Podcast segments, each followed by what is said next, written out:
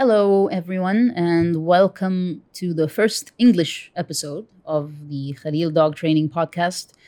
Um, I apologize in advance if I've had followers and and clients and, and former former clients who have not been able to follow the podcast in the past because it was all in Arabic. But the thing is, um, as you probably know, there is so much great teaching material about dogs and dog training in English on the internet. Some of it is so good that I couldn't possibly do better. but uh, what we do need here is bringing all this stuff um, in Arabic to Egyptians who don't speak English very well or at all. And uh, I think that's valuable and important and needs to happen. Um, so I hope you um, understand. And but occasionally I'm gonna do an episode in Arabic. Uh, sorry, in English, um, uh, because I enjoy it and because um, you know I I want to put stuff out for my non-Arabic speakers as well. So uh, today's episode is about small dogs, uh, and it's this particular episode that I really wanted to start with in English because um, it's such a common issue and it's it's so frustrating for me as a trainer uh, and as a dog lover to to see it all the time. Um, but you know, it's always also I'm I, I'm it's frustrating, but it's also exciting when someone calls me with the problem because because then I know I can help the dog and, and make their life better. But if um, if me putting this episode out there is going to make some people you know, not fall into the problem in the first place, then, you know, that's even better. So, um, first of all, uh, you can find me at Khalil Dog Training on Instagram. You can uh, direct message me if you have um, a problem with your dog and you need some help. I offer online consultations, I offer in home courses. Um, indoor and outdoor, and advanced and beginner and intermediate and everything. Um, there are lots of options for my service, for getting me to, to help you with your dog. So, uh, if you've got a problem with your dog that you want help with, um, or you have a puppy with no training, or a, new dog with no training, and you want to get started as well, just shoot me a DM on Instagram and we'll uh, see what we can do.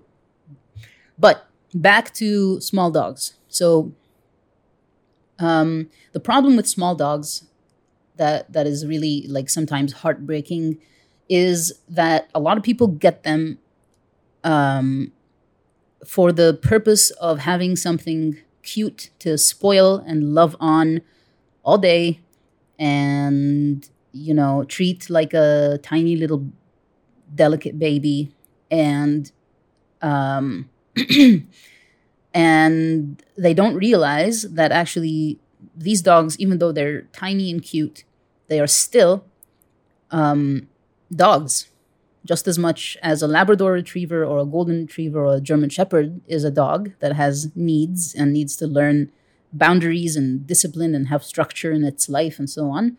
The small dogs are exactly the same. Um, they they have prey drive just as much as the big dogs, sometimes even more. That's why, uh, like, if you have a Yorkie, Yorkshire Terriers are crazy about squeaky toys, most of them, and and that that is prey drive. Okay, so all these dogs they have their drives and they have their needs that are not being met at all, and they're just being coddled and they're not being taught anything. So they have no self confidence and no manners and they just have a lot of anxiety because in any situation that you put them in um, they don't know what to do. They don't know what ex- what is expected of them. So they just do whatever the hell they want. They um, you know they bark at whatever. They growl. If they don't like someone. They growl at them. They bite them. Or you have on the op- opposite end of the spectrum the dogs that just want to be friends with everybody jump in everyone's lap without thinking twice lick them to death. Okay, that's also not good. It's a completely different type of behavior, but it's the same. It's the same thing mentally in terms of impulse control. It's a dog that gets something in their brain and they want to do it and they just do it immediately. There's no thinking, there's no um, hesitation, there is no looking to mom or dad to see if this is allowed, if this is okay. None of that is present in the dog's psyche. In fact, the dog probably like thinks of you as a friend um, or uh, you know a glorified roommate um, and not someone that they need to listen to okay? So and it's not i'm not saying this because we need to you know dominate the dogs and be the alpha and all that crap. That none of that is what's happening here. Um, we just need to keep the dogs safe and and happy and not keep you know getting into trouble and causing liability to us uh, whether it's you know damaging furniture or biting a, a, stranger or a kid in the face which happens a lot with small dogs and children by the way. So there's a lot going on. There's a lot that can go wrong. And it doesn't need to it's super super easy to train a small dog um, from the get-go I mean, if you've been living with the dog for years without any training, it's not going to be easy. But if you have a new dog that you just got, a new puppy, start early, start now, start building value on you, on the dog listening to you. Start teaching the dog boundaries in the house. Start teaching the dog not to bolt out of the front door when you open it. Um, you know, there's, I'm gonna um, make another episode very soon, probably in a couple of days um, talking about what the priorities should be, like the, the, the three or four top most important things that you need to teach your dog, regardless of their size.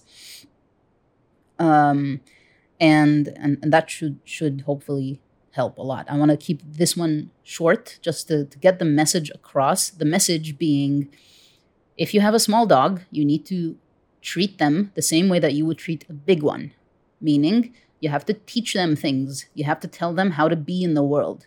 They are they're living in a human world.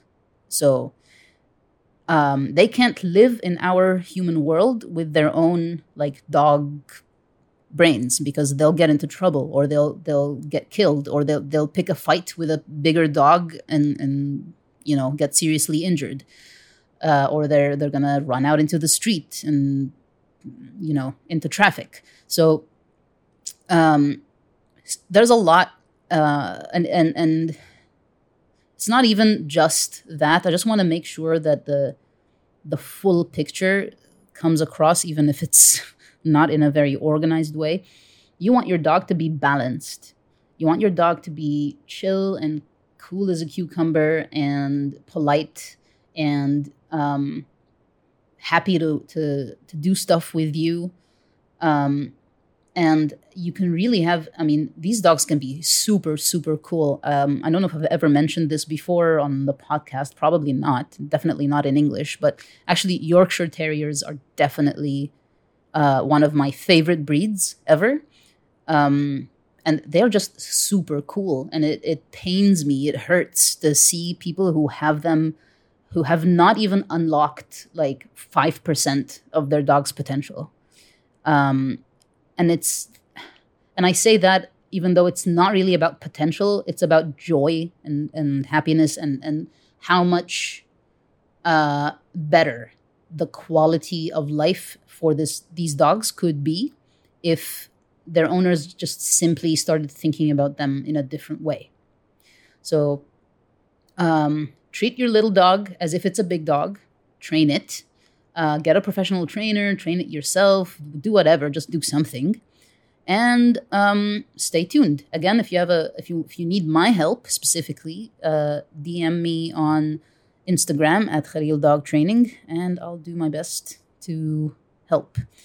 That's it. Thank you so much, and see you again soon. Um, there, w- there will be another English episode very soon.